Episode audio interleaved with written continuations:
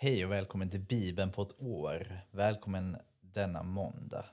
Jag är Oskar och det här är en podd av Svenska kyrkans unga. Välkomna, nu kör vi.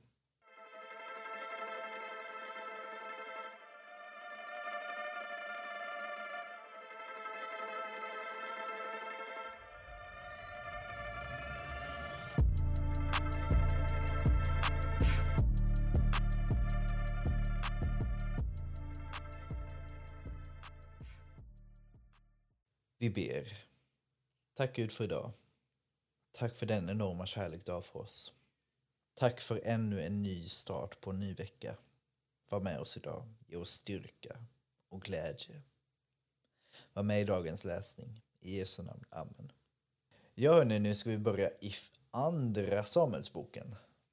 Som eh, ju bara är en fortsättning på första. Så vi börjar. Andra Samuelsboken kapitel 1, vers 1 till kapitel 2, vers 11. När Saul var död och David hade återvänt till Siklag efter segern över amalekiterna och varit där två dagar kom på tredje dagen en man från Sauls här som hade rivit sönder sina kläder och strött jord på huvudet. När han kom fram till David kastade han sig till marken och hälsade underdånigt. Varifrån kommer du? frågade David. Han svarade från den israelitiska hären. Jag kom undan. Vad har hänt? frågade David. Berätta. Soldaterna har tagit till flykten, sade han, och många har stupat. Saul och hans son Jonathan är också döda. Hur vet du att Saul och Jonathan är döda? frågade David den unge mannen. Han svarade. Jag hade hamnat på Gilboaberget och där stod Saul stödd på sitt spjut och fiendens vagnar och ryttare kom allt närmare. Han vände sig om och när han fick se mig ropade han på mig och jag svarade. Han frågade vem jag var och jag sade att jag var amalekit. Kom hit och ge mig nådastöten, sade han. Ännu är jag vid liv, men jag känner redan dödsfrossan. Då gick jag fram och gav honom nådastöten, för jag förstod att han inte skulle överleva. Jag tog diademet från hans huvud och en ring som han hade om armen. Och de lämnar jag nu till dig, Herre. Då grep David tag i sina kläder och rev sönder dem, och detsamma gjorde alla omkring honom. De klagade och grät och fastade till kvällen i sorg över Saul och hans son Jonatan och över Herrens folk, Israel, över alla dem som fallit i striden. Varifrån är du? Frågade David mannen som hade berättat. Han svarade att han var son till en amalekitisk invandrare. Hur vågade du lyfta din hand och förgöra Herrens mode? frågade David. Kom hit och hugg ner honom, ropade han till en av sina män, och mannen slog ihjäl honom. David sade, du bär själv skulden för din död. Du vittnade själv emot dig då du sade, jag har dödat Herrens smorde. David uppstämde denna klagosång över Saul och hans son Jonatan och föreskrev att Judas folk skulle lära sig den. Den är nedtecknad i den redliges bok. Din stolthet, Israel, ligger slagen på höjderna. Se, dina hjältar har fallit. Förkunna det inte i Gatt. Låt det inte bli känt på Ashkelons gator. Filistenas döttrar skulle jubla, de oomskurnas kvinnor dansa av fröjd. Må dagg icke falla på er, Gilboas höjder, må regn icke fukta er, dödens berg. Ty fläckad ligger där hjältarnas sköld, Sauls sköld, ej glänsande mer av olja.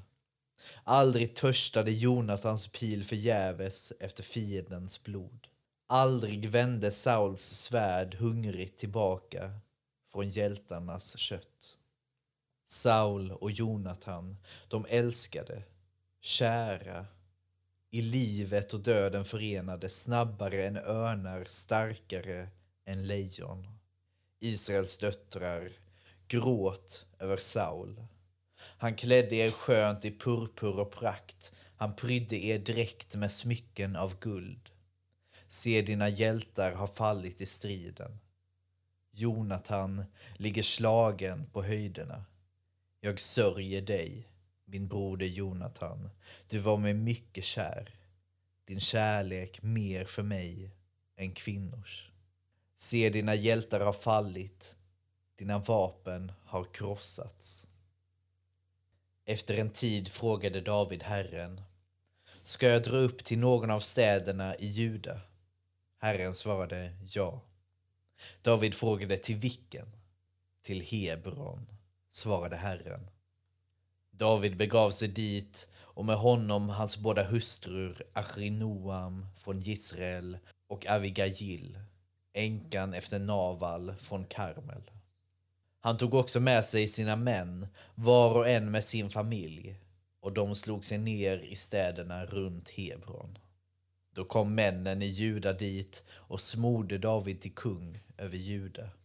När David fick höra att folket i Javesh i Gilead hade begravt Saul skickade han bud till dem och lät hälsa. Må Herren välsigna er som har visat trohet mot er herre Saul och begravt honom. Må nu Herren visa er kärlek och trofasthet. Även jag vill belöna er för vad ni har gjort. Var modiga och tappra. Er herre Saul är död, men Juda har smort mig till sin kung. Men Avner, Ners son, som var Sauls överbefälhavare, hade tagit med Sauls son Ishboshet till Machanaim och utropat honom till kung över Gilead, Asher, Israel, Efraim, Benjamin, ja, över hela Israel. Ishboshet, Sauls son, var 40 år då han blev kung över Israel och han regerade i två år. Men Juda höll fast vid David och han var kung över Juda i Hebron i sju år och sex månader. Ja, Saul och Jonathan är döda och David blir kung till slut. Spännande. Vi fortsätter i Johannes evangeliet kapitel 12, vers 20-50. Bland dem som kommit upp till högtiden för att tillbe Gud fanns några greker.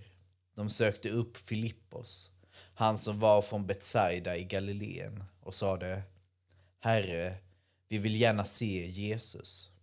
Filippos gick och talade om det för Andreas och Andreas och han gick och talade om det för Jesus. Och Jesus svarade dem, stunden har kommit då Människosonen ska förhärligas. Sannerligen, jag säger er, om vetekornet inte faller i jorden och dör förblir det ett ensamt korn. Men om det dör ger det rik skörd. Den som älskar sitt liv förlorar det, men den som här i världen hatar sitt liv, han ska rädda det till ett evigt liv. Om någon vill tjäna mig ska han följa mig, och där jag är kommer också min tjänare att vara. Om någon tjänar mig ska Herren ära honom. Nu är min själ fylld av oro. Ska jag be, Fader rädda mig undan denna stund? Nej, det är just för denna stund jag har kommit. Fader, förhärliga ditt namn. Då hördes en röst från himlen. Jag har förhärligat det och ska förhärliga det på nytt. Folket som stod där och hörde detta sade att det var åskan. Men några sade att det var en ängel som hade talat till honom. Jesus sade, det var inte för min skull som rösten hördes, utan för er skull. Nu faller domen över denna världen. Nu ska denna världens härskare fördrivas. Och när jag blir upphöjd från jorden ska jag dra alla till mig. Detta sade han för att ange på vilket sätt han skulle dö. Folket sade till honom, vi har lärt oss i lagen att Messias stannar för alltid. Hur kan du då säga att Människosonen måste bli upphöjd? Vem är denne Människoson? Jesus svarade, ännu en kort tid är ljuset bland er. Vandra medan ni har ljuset så att mörkret inte övervinner er. Den som vandrar i mörkret vet inte vart han går. tro på ljuset medan ni har ljuset, så att ni blir ljusets söner. När Jesus hade sagt detta lämnade han dem och var försvunnen. Trots att han hade gjort så många tecken inför dem trodde de inte på honom. Ty profeten Jesajas ord skulle uppfyllas. Herre, vem har trott på det vi fick höra? Och för vem har Herrens makt uppenbarats? De kunde inte tro, ty Jesaja säger också han har förblindat deras ögon och förstockat deras hjärtan så att de inte kan se med sina ögon och förstå med sitt hjärta och omvända sig och bli botade av mig. Detta sade Jesaja därför att han såg hans härlighet och det var om honom han talade. Ändå kom också många i rådet till tro på Jesus. Men med tanke på fariseerna ville de inte erkänna det för att inte bli uteslutna ur synagogan. De älskade äran från människor högre än äran från Gud. Jesus ropade. Den som tror på mig, han tror inte på mig utan på någon som har sänt mig. Och den som ser mig, han ser honom som har sänt mig. Jag är ljuset som har kommit hit i världen för att ingen som tror på mig ska bli kvar i mörkret. Om någon hör mina ord men inte tar vara på dem så dömer inte jag världen. Ty jag har inte kommit för att döma världen utan för att rädda världen. Den som avvisar mig och inte tar emot mina ord, han har mött sin domare. Det ord jag har talat ska döma honom på den sista dagen. Ty jag har inte talat av mig själv, utan Fadern som har sänt mig har befallt mig vad jag ska säga och vad jag ska tala. Och jag vet att hans befallning ger evigt liv. När jag talar, talar jag så som Fadern har lärt mig. Jag tycker att Johannes evangeliet är väldigt spännande. Det är mycket spännande formuleringar och saker liksom som inte riktigt finns i de andra. Och det var spännande att många trodde men vågade inte erkänna att de trodde. Och det kan jag tänka att så är det idag också. Att många är rädda för vad folk ska tänka om man säger att man tror troende. Att man är dum i huvudet kanske. Att man har någon slags låtsasvän uppe i himlen. Ja, det finns mycket, mycket fördomar och saker som sägs och tänks när man säger att man är kristen eller troende i allmänhet. Liksom. Och det finns ju vär ännu värre saker som sker ute i världen. Men här hemma så får vi ändå. Om dock att vi blir eh, förlöjligade, kanske. Men vi måste, vi måste ta hand om varandra, tänker jag. Vara frimodiga och ta hand om varandra. Stå upp för det goda oavsett vad. Vi fortsätter i psalm 118, vers 19 till 29. Öppna för mig rättfärdighetens portar. Jag vill gå in och tacka Herren.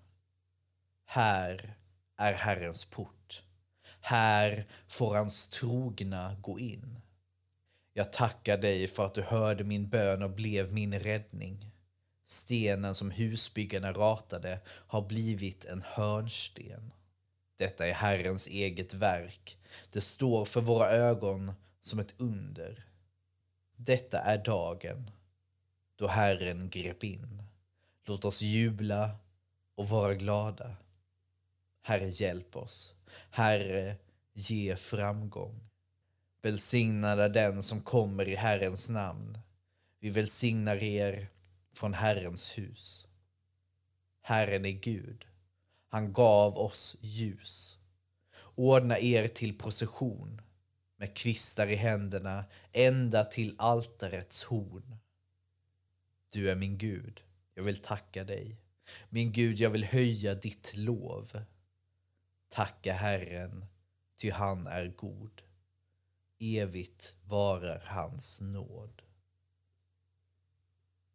Och vi avslutar Ordspråksboken kapitel 15, vers 27 och 28. Den som roffar åt sig drar olycka över sitt hus. Den som skyr mutor får långt liv. Den rättfärdige tänker innan han svarar, men ur syndarens mun strömmar ondska. Det var allt för idag. Tack så mycket för att ni lyssnade. Eh, och vi hörs och ses. Ha det fint. Hej då!